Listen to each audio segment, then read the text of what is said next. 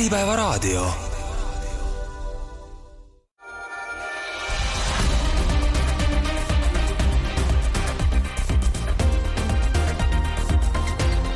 kasvupinnas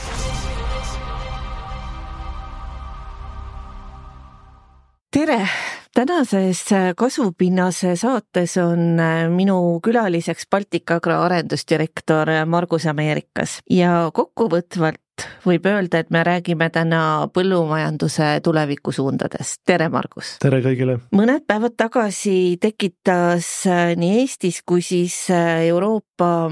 põllumeeste seas palju kõneainet Brüsselist tulnud uudis, millega siis tahetakse tagasi võtta neli aastat äh, tagasi püstitatud eesmärk vähendada poole võrra väetiste kasutamist ja sama palju taimekaitsevahendite ja antibiootikumide kasutamist ja laiendada maheviljeluspindasi kuni kakskümmend viis protsenti põllupindadest. nimelt siis äh, teatas Euroopa Komisjoni president Äh, Ursula von der Leyen kuuendal veebruaril äh, Euroopa Parlamendi ees, et ta teeb volinike kolleegiumile ettepaneku taimekaitsevahendite säästva kasutamise määruse ettepanek tagasi võtta, kuna Euroopa Parlament tõukas selle täiskogu hääletuselt tagasi ja ministrite nõukogus ei ole edasiminekut ja eelnõust on saanud äh, polariseerumise sümbol. uurisime ka Regionaal- ja Põllumajandusministeeriumilt äh, asja ja, ja saime selgitavad märkused, et päris nii üheselt asja võtta ei tohiks sest tagasi võeti ainult surr ehk siis siduvaid taimekaitsevahendite kasutamise vähendamise eesmärke sisaldav ettepanek. poliitilistest ambitsioonidest ei ole taganetud ministeeriumist lisati veel ka seda, et toetuste nõuetes eelnevalt äh, tulenevast siis äh, muudatusi plaanis teha ei ole ja strateegilised eesmärgid kestlikuks arenguks kehtivad endiselt ja, ja on täna sama olulised. põllusektori katusorganisatsioonide esindajad äh, tõid veel välja, et Leieni püstitatud üleskutse on pigem positiivne samm Eestimaa Talupidajate Keskliidu juhi Kerli Atsi sõnul olid need eesmärgid noh, suured ja ambitsioonikad ja, ja tegelikult oleks vaja nende saavutamiseks aega ehk siis sellist realistlikku üleminekuperioodi. Ja, ja tegelikult tuleb arvestada ka põllumajandustootjate vajadusi ja, ja, ja erinevaid tingimusi liikmesriikide põhiselt. Ja ka Põllumajandus-Kaubanduskoja juht Ants Noot nõustus äh, selle, selle mõttega ja, ja ütles, et ähm, et tegelikult seda eelnõud ei olnudki piisavalt analüüsitud, et peamiselt vaadati mõju vaid keskkonnale, aga, aga tegelikult tahaplaanile jäid sotsiaal- ja nii-öelda majanduslikud mõjud ja, ja ka äh, huvigruppidega ei konsulteeritud piisavalt. aga Margus, mis, mis tunded ja mõtted sul selle jutu peale tekivad? No eks see on jah, tüüpiline selline äh, tsükliline äh, areng, äh, kui Euroopa Liidus on valimised ukse ees, siis selge see, et, et tuleb ju siis mõelda, milliste nagu sõnadega siis lähed uutele valimistele. Ja eks ka Ursula von der Leyenil oli vaja ju tuua välja siis või nii nagu siin ju poliitikud ütlevad, et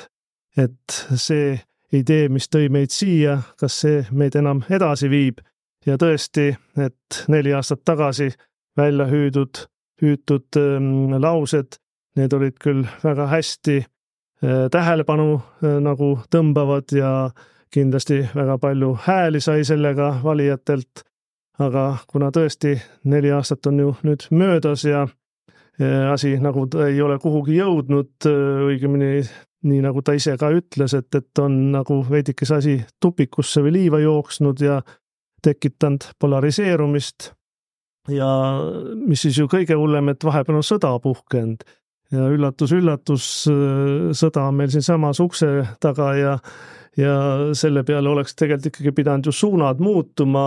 aga me ei ole üldse sellele nagu reageerinudki. kuidas siis ikkagi jääb nüüd sellele toidujulgeolekuga Äh, isevarustatusega, noh, hea küll, me siin Euroopas nälga ei tunne, aga, aga sõjaolukorras, kui ikkagi kõrvalnaabrid teiste reeglitega tegutsevad, siis meie ei saa ju minna edasi nende mhm. pehmete reeglitega, mis me kunagi arvasime endale kehtestama. eriti need keskkonnanõuded ja kõik, et, et kui ikkagi äh, tuleb nagu mujale maailma seda kaupa sealt äh, Musta mere kaudu hästi odavalt ja hoopis hoolimatu loodushoiu reeglitele vastavalt, siis, siis ka meie peame ju seda ka arvestama ja ma küll ei ütle, et me nüüd peaks äh, tagasi tõmbama ja loodust saastama hakkama. aga, aga, aga et me peame ikkagi rohkem vaatama, kuidas seda efektiivsust ikkagi saavutada, mitte niimoodi mehaaniliselt, et lihtsalt võtame kõike vähemaks. aga räägi ajaloost ka mõne sõna, et ajaloost, mis nagu, mis nagu on toimunud, et palju siis noh, võtame kasvõi Nõukogude aeg ja versus praegu, eks ole, palju siis väetati, palju siis noh, taimekaitset oli siis nagu vähem, on ju tunduvalt, et aga no ütleme, väeta, väetamise seisukohalt, palju siis, mida kasutati väetist, taimekaitset ja võrdluseks siis nüüd? ega ei saa öelda, et väga palju vähem kasutati, need olid hoopis äh, suuremad kogused, mis kasutati, et olid ja isegi taimekaitse oh, samamoodi okay., et olid ka sellised tooted, mida pandi mitukümmend kilo hektarile ja nad olid palju ohtlikumad keskkonnale kui, kui tänapäevased, äh, mida võib-olla mõni gramm ainult pannakse. Ja kui tuua välja siis, mis pärast kaheksakümnendaid juhtus, siis väetist kasutati meil üheksakümnendatel kaksteist korda, mitte protsenti, vaid korda vähem ja taimekaitset kakskümmend kaks korda vähem. nii et äh, tõeline rohepööre toimus ära meil üheksakümnendatel, aga kahjuks aga mis seda... selle põhjuseks siis oli, et ei olnud lihtsalt ettevõtjad nii jõukad, et, et osta taimekaitset? ei, lihtsalt see nõukogudeaegne süsteem sai otsa ja see varustatus sealtkaudu, Moskva kaudu lõppes ära ja ei olnud enam äh, uusi varustusliine, need kõik maailma äh, firmad, kes tootsid neid vahendeid, äh, need hakkasid ju müüma siis valuuta eest, aga meil ju valuutat polnud, kõigepealt tuli see hakata teenima, meie taimekasvatustoodang kukkus alla mitmekordselt, nii et me vaevalt, vaevalt kuskil kuuskümmend protsenti isevarustatust saime. Siin üheksakümnendatel, kõige madalam tase oli kuskil nelisada tuhat tonni, kui me täna toodame kuskil siis sellel aastal näiteks oli üks koma kaks miljonit tonni teravilja, nii et me oleme õppinud palju paremini majandama ja ma ikkagi toon alati seda näidet, et me toodame täna põldudel kolm korda enam kui me tootsime sajandivahetusel ja seda kolm korda väiksema väetiste kogustega, kui me kasutasime nõukogude ajal väetiseid. okei okay., aga nüüd veel selles, ähm, selles, kui me siis seda mm, uurisime, mis, mis siis, mis siis ikkagi on see väetiste kasutamise vähendamine viiskümmend protsenti, et, ähm, et äh, siis äkki mulle täitsa nagu ootamatult oli, oli selline selgitus veel ministri, ministeeriumi rahvalt siis, et et see eesmärk vähendada viiskümmend protsenti väetiste kasutamist on õigemini eesmärk vähendada väetistest tekkivat keskkonnaheidet. ja siis see peaks kaasa tooma nagu väetiste vähenemise kakskümmend protsenti. mina ei saanud enam aru sellest nagu hästi, et ähm, ma olen nagu tegelikult ju mitu aastat kuulnud, käin neid slaide igal konverentsil, et viiskümmend protsenti, viiskümmend protsenti, kakskümmend viis protsenti lõpuks on ju kõike. mis selle all mõeldi? eks ta algul oligi nii, et äh, poliitiline loosung peab olema hästi lihtne ja see viiskümmend protsenti vähendamist, see oligi hästi lihtne, see oli kõigile arusaadav. Äh, ja sellega tuldi väga palju nagu kaasa. aga, aga noh, kui nüüd edaspidi järgnevatel aastatel hakati siis nagu seda põllumeestega läbi rääkima, no siis äh, tuldi nagu saadi aru, et see ei ole väga realistlik, et siis sellisel juhul ju vähenevad ka äh, saagid poole võrra, sest täna tõesti kogu maakeral on umbes nii, et, et pool taimekasvatustoodangut tuleb tänu mineraalväetistele ja teine pool siis äh, tänu orgaanilisele väetisele või mullavarudele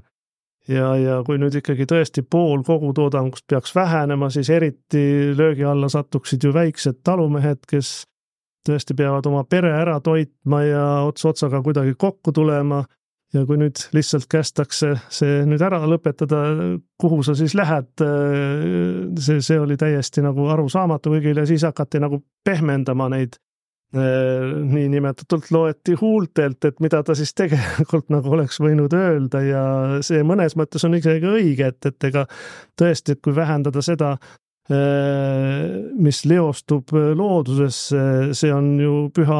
õige eesmärk, et ikkagi rohkem sellest kasutatud taime, toitainetest jõuaks saaki.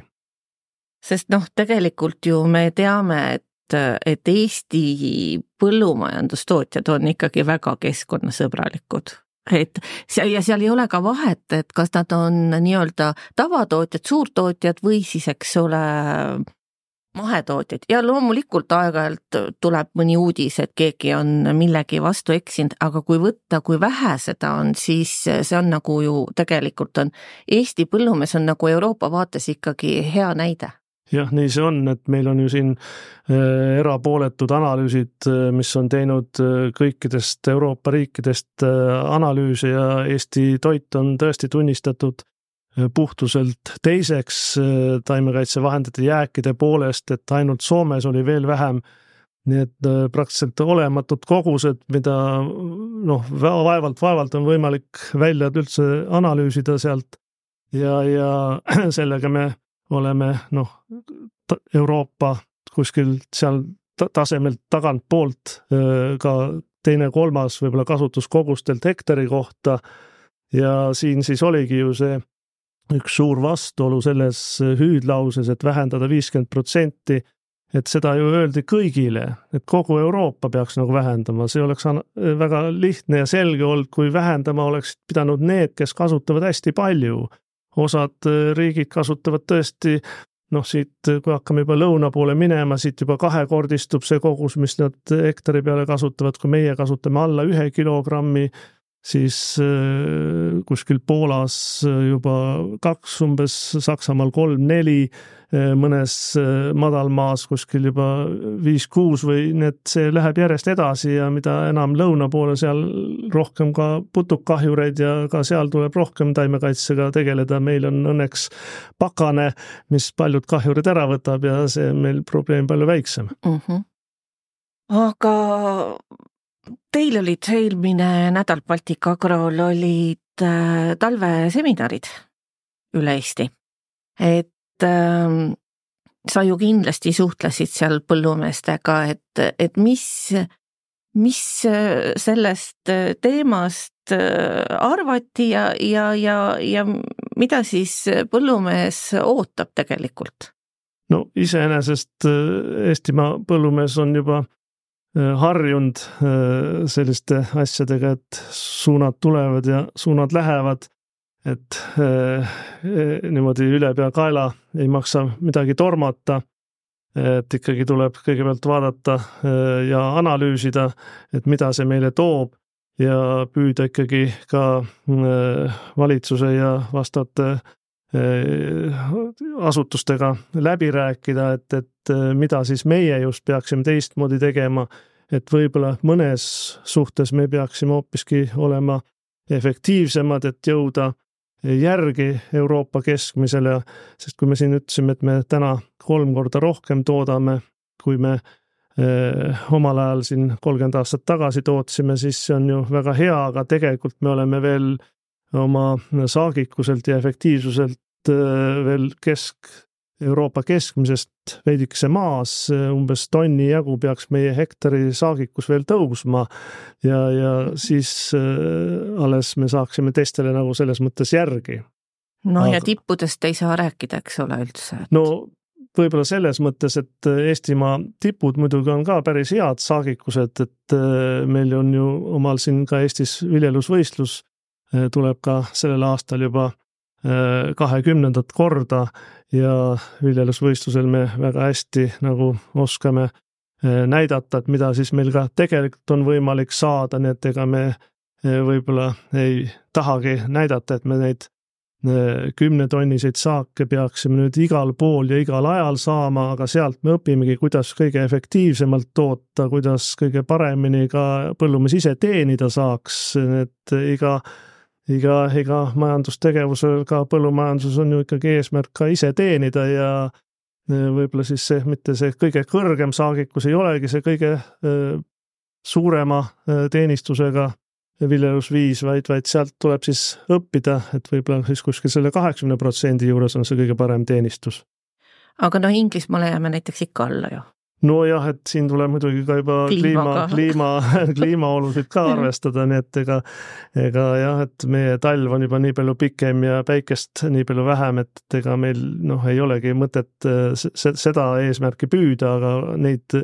neid õppetunde, mis me sealt saame, neid ikkagi tuleb ikkagi ära kasutada. aga, aga ikkagi, et, et noh, teie ise, kes te siis müüte taimekaitset ja väetist ja, ja koolitate põllumehi, et ähm, noh, mida te, mida teie, teie nagu riigi poolt enam vajate, et, et mis nagu praegu kehvasti on? noh, eks ka meie ütleme ju niimoodi, et vähem, aga enam. ja meie peame eelkõige sealjuures siis silmas seda, et kui sa midagi kasutad, siis sa saaksid kasutatud koguse kohta suurema näiteks saagikuse. et, et võib-olla siis noh, meie arvates eesmärk võiks siis olla see, et mitte vähendada viiskümmend protsenti eh, neid eh, sisendeid, vaid kasutame nii, nagu me täna kasutame, aga saaksime selle arvel Äh, suurema saagi, ütleme, et, et kui me noh, piltlikult öeldes täna kuskil üks kümnele efektiivsust kasutame, et siis ta võiks olla tulevikus üks kahekümnele, aga see nõuab palju täpsemat tööd. Ja meie põllumehed ongi järjest paremaks ja täpsemaks läinud, need niinimetatud ongi lausa täppisviljelus, mida me nimetame Äh, mis annab tõesti seda kasutatud efektiivsust palju-palju juurde. Ja ma usun, et meil ei ole veel seda lage käes, et me võime selle efektiivsust veel päris hästi tõstagi. Aga uurisin ise ka täna hommikul ja, ja ikkagi küsisin, et kui võtta taimekaitse teemaks, et noh, väetisteturg on väga palju muutunud just selle sõja tõttu, aga, aga kui võtta taimekaitse teemaks, siis ikkagi meie turul on needsamad suured Euroopa tegijad äh, jätkuvalt, on ju, et see nagu väga, sõda nagu taimekaitseturgu nii väga ei ole mõjutanud, on ju aga siis toodi välja selline, selline asi, et Eestis ähm, on taimekaitsevahendite turule lubamise see menetlusprotsess kohutavalt pikk. miks ja. see nii on, sest noh, seda enam noh, taustaks lihtsalt ju veel ka see, et, et väga paljud praegu turul olevad ähm, taimekaitsevahendid sel aastal ka lõpevad nii-öelda nende kasutusõigused ära, on ju. Et mis siis nüüd saab, et me peame nagu targalt siin majandama, võimalikult vähe äh, loodust häirima, aga samas me ei saa, meil ei ole nagu alternatiive ja pole peale tulemas ka. jah, kui sa ütlesid tõesti, et väetiste puhul me ju tõime enne sõda kuuskümmend protsenti väetistest tõime Venemaalt või Valgevenest, siis järsku see asi kõik lõppes ja meil tuli väga suure kiiruga kõik ümber mängida. Aga õnneks jah, tootjaid on igal pool ka mujal maailmas. nii et isegi eh, üle ookeani USA-st hakkasime väetist tooma siia suurte laevadega, et paar suurt kolmekümne tuhande tonnist laeva oleme toonud lämmastikväetist ja tasub isegi sealt kaugelt tuua, kuigi, kuigi transport äh, on kaunis pikk võrreldes siit piiri tagant Venemaalt toomisega, aga, aga. samas on üks pluss, on kindel, et see ei ole tulnud Venemaalt läbi mingite muude teiste maade kuidagi lõpuks ikkagi Eestisse. noh, seda ka jah, aga, aga. kui sealt tuua nii kaugelt ikkagi. aga et kui väetise teemat veel tahtsin käsitleda seda, et, et tegelikult, kui nüüd võtta ka neid koguseid, siis pärast sõda ikkagi hinnad läksid ju lakke, kahe-kolmekordistusid, isegi rohkem natuke. ja noh, siis võib isegi öelda, et meil nüüd kogused on vähenenud,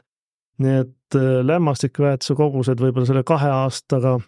on vast kümmekond protsenti vähenenud, sest lämmastikuta taim kasvada ei saa ja seda ikka natukenegi peab panema, aga fosfor, kaalium, äh, mõlemad sellised põhitoitelemendid taimele, mida ikkagi taim kuigi palju ka mullast saab, siis nende kogused on väga-väga palju vähenenud, need nelja-viiekümne protsendi võrra on vähenenud fosfor-kaalium, kui siin noh, öeldi mm -hmm. niimoodi poolnaljatamisi, et meil tuleb fosfor-kaalium äh, holiday puhkuseaeg nendele toodetele, siis tõesti, see ongi nüüd selle kahe aastaga juhtunud, nii et kui äh, need loosungid äh, nägid ette, et, et me vähendaks kõike viiskümmend protsenti, siis nüüd tegelikult majanduslik olukord ongi sinna meid viinud, et me olemegi selle juba saavutanud, selle vähenemise no aga mis sa nüüd ise nagu noh, see on niisugune ennustada, on ju, et äh, kui siis, ähm, kui siis nagu, kui palju siis saagid nüüd kukuvad, kui tegelikult juba kaks, kaks hooaega on pandud tegelikult vähem põllule no,? see väga hullusti veel ei mõju, äh, kuigi selle aasta saak oli ju kaks, kolmkümmend protsenti väiksem kui aasta varem aga sellegipoolest põllumehed teavad, kui palju neil on mullas mullavaru, eh, fosforit, kaaliumit, kui palju nad saavad kuskil mullaanalüüside alusel siis nagu vana rasva pealt umbes eh, kokku hoida ja veel mõne aasta edasi venitada, et analoogiline juhus oli ju meil ka aastal kaks tuhat kaheksa, kaks tuhat üheksa, kui see kriis oli. Ja siis, kui kriis sai mööda, siis tasapisi mõne aasta jooksul see nagu ühtlustus ja me andsime ikkagi jällegi lõpuks Äh, muldadele selle, mis me olime sealt liialt nagu ära võtnud ja hakkasime äh, suhteliselt nii äh, normaalsel tasemel jällegi taime toitma. nii et ma loodan, et ka meil praegu samamoodi tuleb see nüüd mõne aasta jooksul, kui, kui need kriisiaastad hakkavad teiselt poole saama aga mul jäi ennem sulle vastamata, vastamata see taimekaitse pool. ma just mõtlesin küsida, et kas sa teadlikult viilid kõrvale või, või ei, ma lihtsalt äh, tahtsin ähm, tähtsuse järjekorras, et äh, taime, toitained on äh, väga olulised taimele, et ikkagi nad need toitained kätte saaks, aga nüüd ongi see taimekaitse pool selleks siis, et see taime toitainet kõik saagiks moodustuks. selleks peab siis seda taime kaitsma, noh siis eelkõige siis umbrohtude eest, et umbrohud ära ei sööks seda kallist väetist siis on kõikvõimalikud seenhaigused, mis äh, taime lehestikku ära võtavad, nendele ka maitseb selline ilus äh, roheline lopsakas taimestik. ja muidugi siis ka kahjurid, nii et äh, neid on meil ka mõnel aastal siin üle, üle mõne aasta päris palju ja kui, kui neid ei tõrju, siis see on nii nagu ravim inimese jaoks, et, et ei saa ainult viinasokkidega hakkama, et ikkagi vahest tuleb ka midagi natuke efektiivsemat vahendit kasutada. aga, aga see protsess on siis vaevaline, et, et noh, kui, kui nii-öelda müügifirmad ju ei, ei too nii-öelda, ei tegele nende lubadega otseselt, on ju, aga just tootjafirmad, kes meil siin on esindatud, suured BASF ja Syngenta ja Bayer, on ju, et ongi siis ikkagi raske, raske oma toode turule tuua ja kahjuks jah, see protsess venib, see on väga keeruline, see protsess, see on nii nagu ka ravimitega, et tuleb tooted registrisse nagu tuua, seal on kohe väga-väga paksud äh, dokumentide kihid. Piltlikult öeldes mitukümmend kilogrammi pabereid tuleb äh, kaustasid tuua, kus siis tõestatakse et kuivõrd toode on ohutu või ta senistest efektiivsem. nii et selles, selles mõttes tõesti mm, tuleks selle ajaga nagu kaasas käia, et, et et üldjuhul antaksegi toodetele mingi perioodi peale kasutusluba. et, et kas viieks aastaks või kümneks aastaks ja, ja kui see aeg mööda saab, siis on vaja täiendavaid erinevaid uuringuid, kas siis toksikoloogilisi mingeid uuringuid, mis vahepeal on võib-olla reeglid rangemaks läinud kuskil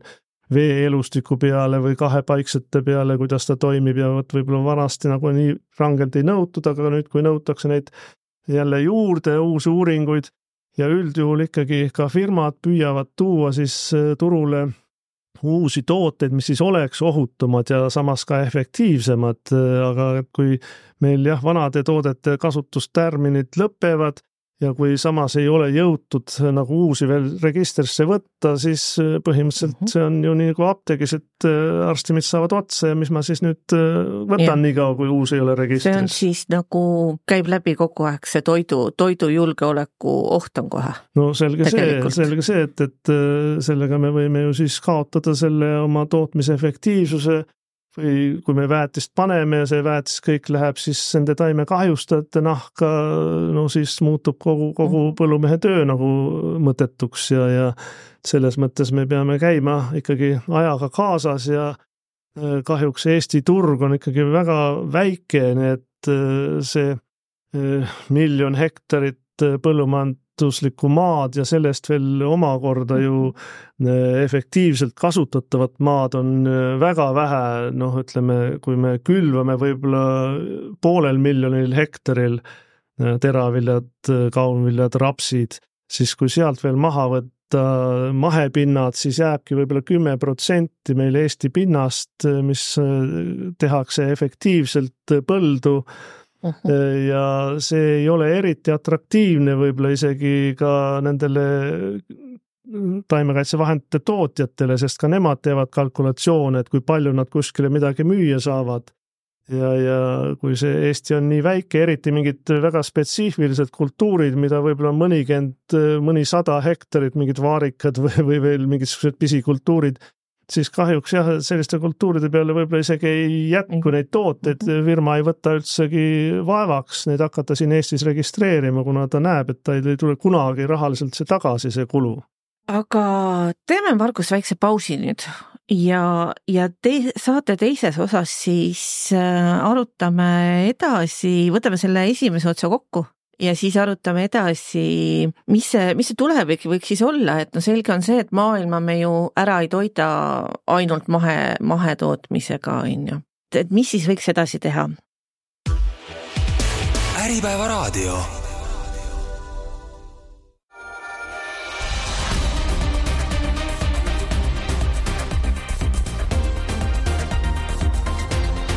kasvupinnas.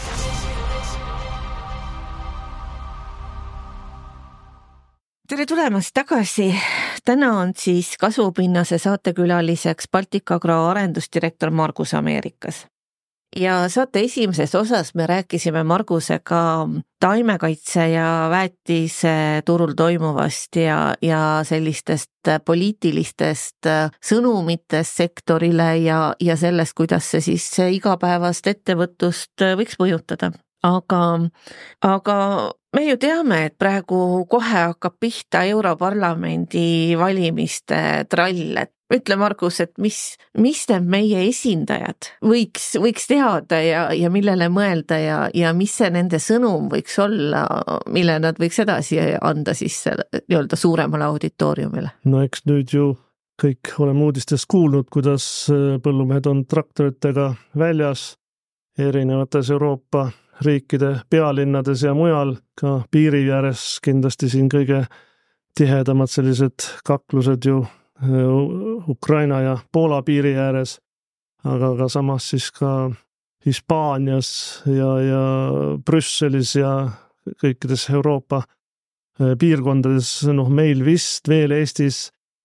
päris Toompeale põllumehed pole otsustanud traktoritega sõita. Aga, aga samas jah, ikkagi kasvõi seesamagi nüüd Brüsselist tulnud uudis, et, et et, et ei tuleks ikkagi kõike viiskümmend protsenti vähendada, et eks see on ju üks seesama nagu sõnum, et, et räägime ikkagi rohkem läbi ja ärme nagu tekita selliseid liigseid pingeid ja vastuolusid. Et, et iseenesest tuleks ikkagi vaadata tõesti, et kuidas me siin paremini hakkama saaksime ja oleksime ka konkurentsis muu maailmaga, sest iseenesest Euroopa me arvame küll, et me oleme siin suured ja võimsad ja tugevad, aga kui tegelikult hakata vaatama äh, näiteks ka rahvastiku poolest, siis me oleme vaevalt viis, kuus, seitse protsenti kogu maakera rahvastikust ja see järjest väheneb, nii et äh, varsti me jõuame allapoole seda valimiskünnist, nii poolnaljaga öeldes, sest mujal maailmas rahvastik kasvab tasapisi. Ja, ja aga jah, et me mõnes mõttes me võime endale seda lubada et meil jah, tõesti nälga ei ole, meil on väikest viisi ikkagi ületootmine, me saame eksportida oma vilja ja muud põllumajandussaadusid mujale maailma, kus äh, ei ole see toiduga kindlustatus äh, nii hästi paigas, äh, eelkõige sellised Araabia maad või, või Aafrika maad, kus veepuudus ja muu oskuste puudus. ja mõnes mõttes see on ju hea, Äh, kui me Euroopast ikkagi saame ka eksportida ja ka Eestist, et me ikkagi äh, ligi ligi kakssada protsenti praegu toodame nagu mhm. isevarustatuse tasemest ja see alates kahe tuhande viiendast aastast on ikkagi meile päris palju nagu sisemajanduse koguprodukti juurde andnud, see ekspordi osa just, et, et, et et kui öelda seda ka veel, et kuidas asjad on arenenud, siis tõesti kuskil veel viis-kuuskümmend aastat tagasi üks põllumees toitis ära noh, ütleme viisteist, kuusteist inimest, siis tänaseks üks põllumees toidab ära kuskil sada kuuskümmend, sada seitsekümmend inimest. nii et eh, tehnika on arenenud, eh, teadus on edasi läinud ja ma usun, et see sellise efektiivsuse tõus veel jätkubki. sul on ka ju Margus olemas põllumajandusteaduste doktorikraad, on ju? seda küll. Noh, nii et, et sa ei ole lihtsalt siin pelgalt nagu nii-öelda müügifirma esindaja, on ju. seda küll. et äh, tegelikult äh, pidevalt käib läbi see kestlikkuse ja jätkusuutlikkuse teema, on ju. ja, ja see kõik on nagu noh, seda serveeritakse, et see on nüüd uus, uus, uus asi, kõik on selline uus ja äge, on ju et meil oli siin äh, jaanuaris oli meil ähm, väga huvitav kahepäevane taastava põllumajanduse konverents, kus siis äh, selle teema sellised suured äh, gurud Ameerikast ja, ja Kanadast ja, ja Inglismaalt olid kohal ja jagasid oma, oma teadmisi ja, ja ka meie tegime sellel teemal saate, siis siis ikkagi nagu ei hoomata, mis asi see taastav põllumajandus on ja, ja mis, mis vahe seal nende mahepõllumajanduse võtetega on ja selgita, selgita tavakuulajatele, et, et mis on mis. no ja, et äh, tegelikult on väga hea, kui meil tuleb mujalt maailmast äh, kogemusi, tarkuseid ja paneb meid ka ise rohkem nagu mõtlema ja analüüsima, et, et et eh, mida võiks teha teistmoodi. aga noh, see on selge, et samas ei tasu alati ju kõike sada protsenti kopeerida, et, et eh, kõigepealt tuleb vaadata seda, eh, kas ka meil neid probleeme on, mida seal välja tuuakse, noh selge see, et siis kui kuskil preerias seal Ameerikas pidevalt künti ja lõpuks tuuled, tormid selle mulla sealt ära puhusid, eh, siis see on väga-väga kurb ja nad peavadki siis leidma seal siis selle lahenduse, et, et ei külva kogu aeg ainult maisi ja soojat, maisi ja soojat, vaid hakkaks ka sinna vahekultuure kasvatama ja see on väga-väga-väga õige, aga et et kas sama probleem on siis ka siin meil, eh, kus me siin just rääkisime, et, et meil on ju vaevalt kümmekond protsenti efektiivselt, intensiivselt kasutatavat põllumaad kogu oma territooriumist et äh, juba, juba seda siis ei saa kopeerida. ja teine asi siis ka see, et, et äh, kui me tahame midagi kangesti taastama hakata, noh, seal preerias tõesti tuli seda mulda nagu taastama hakata, aga et kas ka meil, mida meie siis peaksime taastama hakkama, kas me keerame nüüd aega kolmkümmend aastat tagasi, taastame seda seda aega. seda aega, mis üheksakümnendatel oli, kus me ei suutnud ennast ära toita, kindlasti ei tahaks neid umbrohupõldusid äh, tagasi saada, mis meil tollel ajal olid, kes mäletate neid ohaka äh, seemnete lendamisi siin sügisel oli rohkem näha kui viljapõlde või siis äh, taastaks siis seda aega, kui meil oli kolm-neli korda üleväetamist, see oli ju seitsmekümnendad, kaheksakümnendad, kus ikkagi tõesti väetist pandi sellistes kogustes, nagu meil oleks olnud vaja kaheksa või kümnetonniseid äh, viljasaake saada, aga saadi tegelikult ju ainult kaks tonni, nii et äh, siin on selge, et, et see oli ka ilmne üleväetamine tollel ajal ja ja tekkis nagu põhjendatult selline vastuseis väetistele ja selline väga halb imidž, mis äh, võib-olla teatud määral on siiamaani kestab nii et kui tollel ajal piltlikult öeldes oli vanker nagu ühel pool kraavis ja väetati üleliia, siis üheksakümnendatel ta oli teisel pool kraavis mm, -hmm. kus jällegi mitte midagi peaaegu et taimedele ei antud. ja noh, täna peaksime ikkagi juba sellised teaduslikel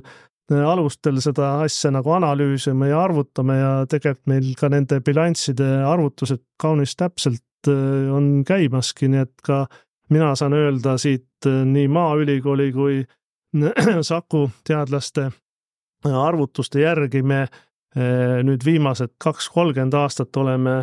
bilansi poolest veidikese andnud muldadele vähem fosforit, kaaliumit, kui me saagiga ära viime ja lämmastik on meil enam-vähem olnud nüüd nagu normi piires, et me ei ole nagu muldi vaesustanud ja ei ole ka üle väetanud, sest väike pluss lämmastikuga lubatakse isegi Äh, Saksamaal on öeldud, et ka äh, muld vajab äh, noh, kasvõi needsamad mikroorganismid, mis seal mullas on, vajavad veidikese lämmastikku, et põhku lagundada ja kuskil pluss viis, kuuskümmend kilo hektari kohta on täiesti keskkonnasõbralik majandus aga siis jah, et, et eh, ega, ega me ei taha ka tagasi ju neid aegu, kus meil enne teist maailmasõda oli ju põllumajanduspind oli kaks korda suurem kui täna. et meil oli üle kahe miljoni hektari põllupinda, ega me ei taha ju nüüd praegu neid oma metsasid maha raiuda.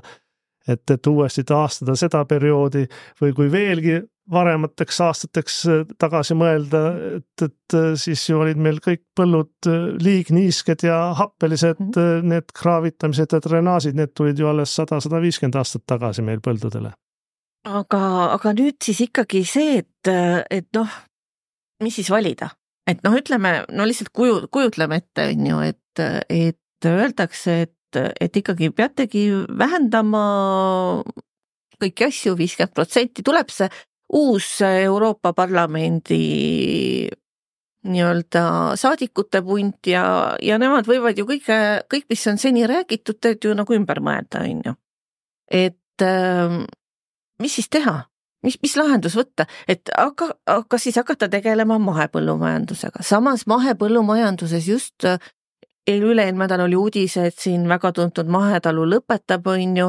sest noh, isegi nii-öelda mahe, mahetooted on meie tarbijale liiga kallid, kui ta kasvataks mahevilja, siis see mahevili on tava, börsil tavavilja hinnaga, on ju, et tal nagu noh, või siis võtta see taastav põllumajandus, kes siis nagu keskendub sellele mulla elustikule võib-olla rohkem, noh aga esiteks me ei ole ka nii haritud, võib-olla me ei tea sellest veel kõike, on ju, et mis, mis see lahendus siis oleks või on, või on veel mõni lahendus olemas? eks neid äh, maailmas äh, lahendusi on hästi palju selles mõttes, et et see taastav või niinimetatud regeneratiivne põllumajandus, see on ainult üks suundadest, et äh, kümme, kakskümmend aastat tagasi hakkasid kõik seda õiget teed juba selles mõttes otsima, et mindi nagu süsiniku arvestuse põhiseks eh, ja tahetakse just minna, et me saaksime ikkagi eh, noh, hoida seda, et me atmosfääris süsiniku kontsentratsioon ei tõuseks eh, ja temperatuurid ei tõuseks ja millise taimekasvatusviisiga me kõige paremini siis seda saaksime süsinikku siduda. nii et ongi ju lausa olemas sellise nimetuse nagu süsinikpõllumajandused kus siis Äh, väga täpselt arvestust peetakse, et, et äh, mida sa äh, kasutasid ja kui palju sa sidusid, sest tegelikult ju ongi niimoodi, et, et ainult põllumajanduses taimekasvatus ja metsandus on need kaks ala, mis süsinikku seovad tänu fotosünteesile. ja ülejäänud kõik tegelikult ju süsinikku mhm. paiskavad. ja nüüd siis kõik sõltubki siis sellest, kui efektiivselt sa oskad seal põllul majandada kui vähe sa näiteks siis energia äh, kulukaid tootmisviise kasutad, äh, hästi palju näiteks traktorimootorites diiselkütet kulutad künnad, äh, kultiveerid, teed kõikvõimalikke selliseid mullaharimistöid hästi palju seal läheb mingi neli-viiskümmend liitrit juba hektari kohta ja kui sa nüüd samas ei oska korralikult saaki saada, et mm. jääb sul see mingi rapsisaak seal poole tonni peale või sedasi, siis tihtipeale tekibki see küsimus, et, et kas, kas see on üldse nüüd süsiniku siis sidumine või, või on see rohkem süsiniku heide, see tootmine aga, aga mm,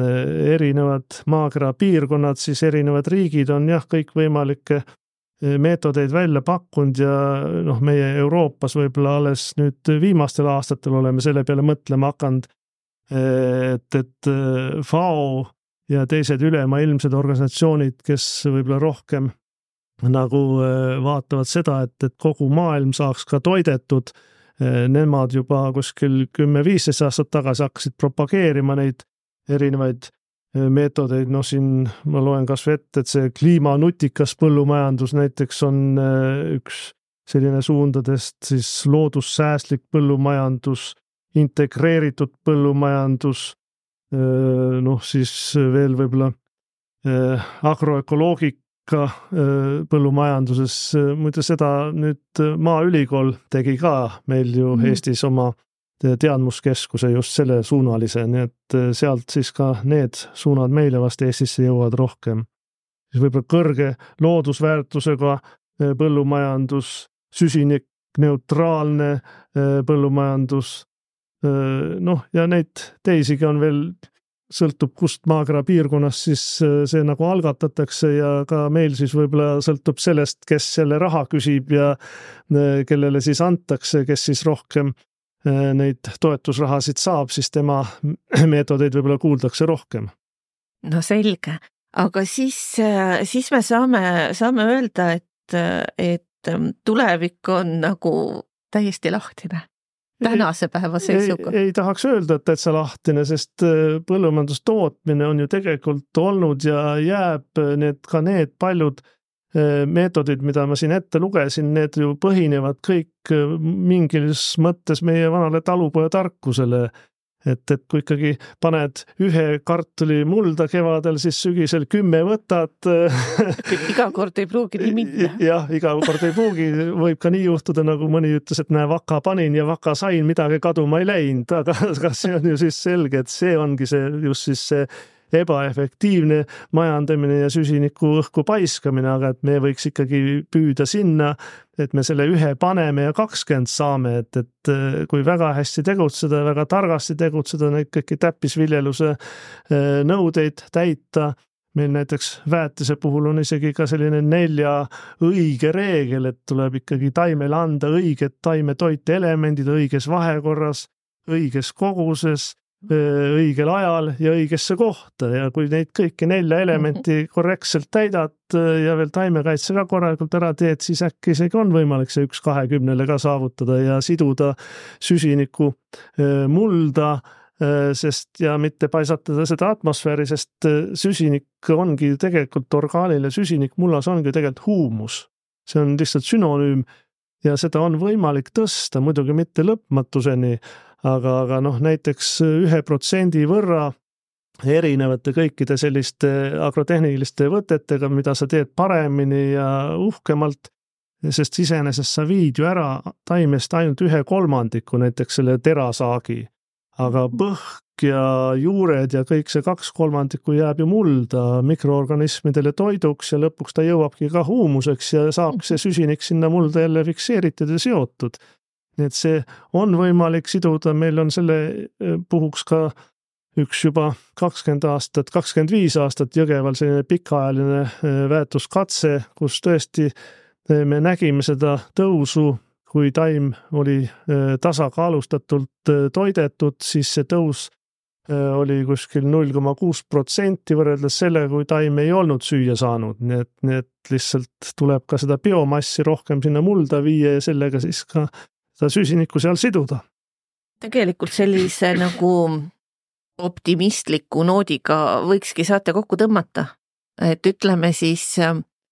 moodsalt, et ähm, võtame suuna siis nii-öelda süsiniku teemadele pigem,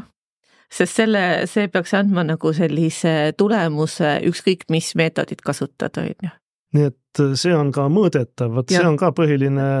just, et, et asi oleks mõõdetav süsinikku, mida me seome mullas, me ei saa mõõta ühe-kahe aastaga,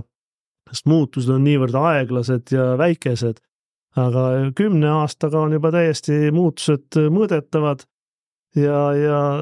kui noh, minu unistus on alati olnud see, et, et et põllumeest võiks ähm, hinnata või ka toetusi näiteks maksta selle järgi, kuivõrd efektiivselt ta suudab seda süsinikku siduda seal mullas Äh,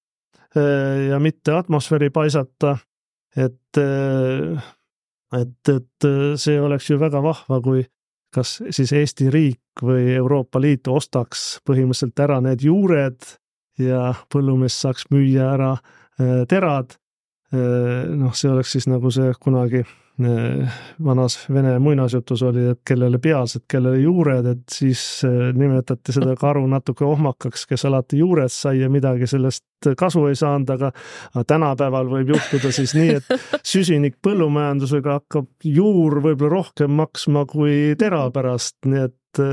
loodame siis, et süsiniku või juurte osa hind ei kerki kõrgemaks kui tera hind, nii et siin tuleb ka tasakaalu hoida, muidu künnavad mehed lõpuks ka terad mulda. aga igal juhul suur tänu ja, ja et sa tulid, Margus, ja selliseid teemasid selgitasid. mina olen Äripäeva teemaveebi põllumajanduse juht Meelika-Sander Sõrmus ja ja sellesama raadiosaate kajastuse leiate ka täpselt sealtsamast teemaveebist. aitäh kõike head, aitäh kuulamast!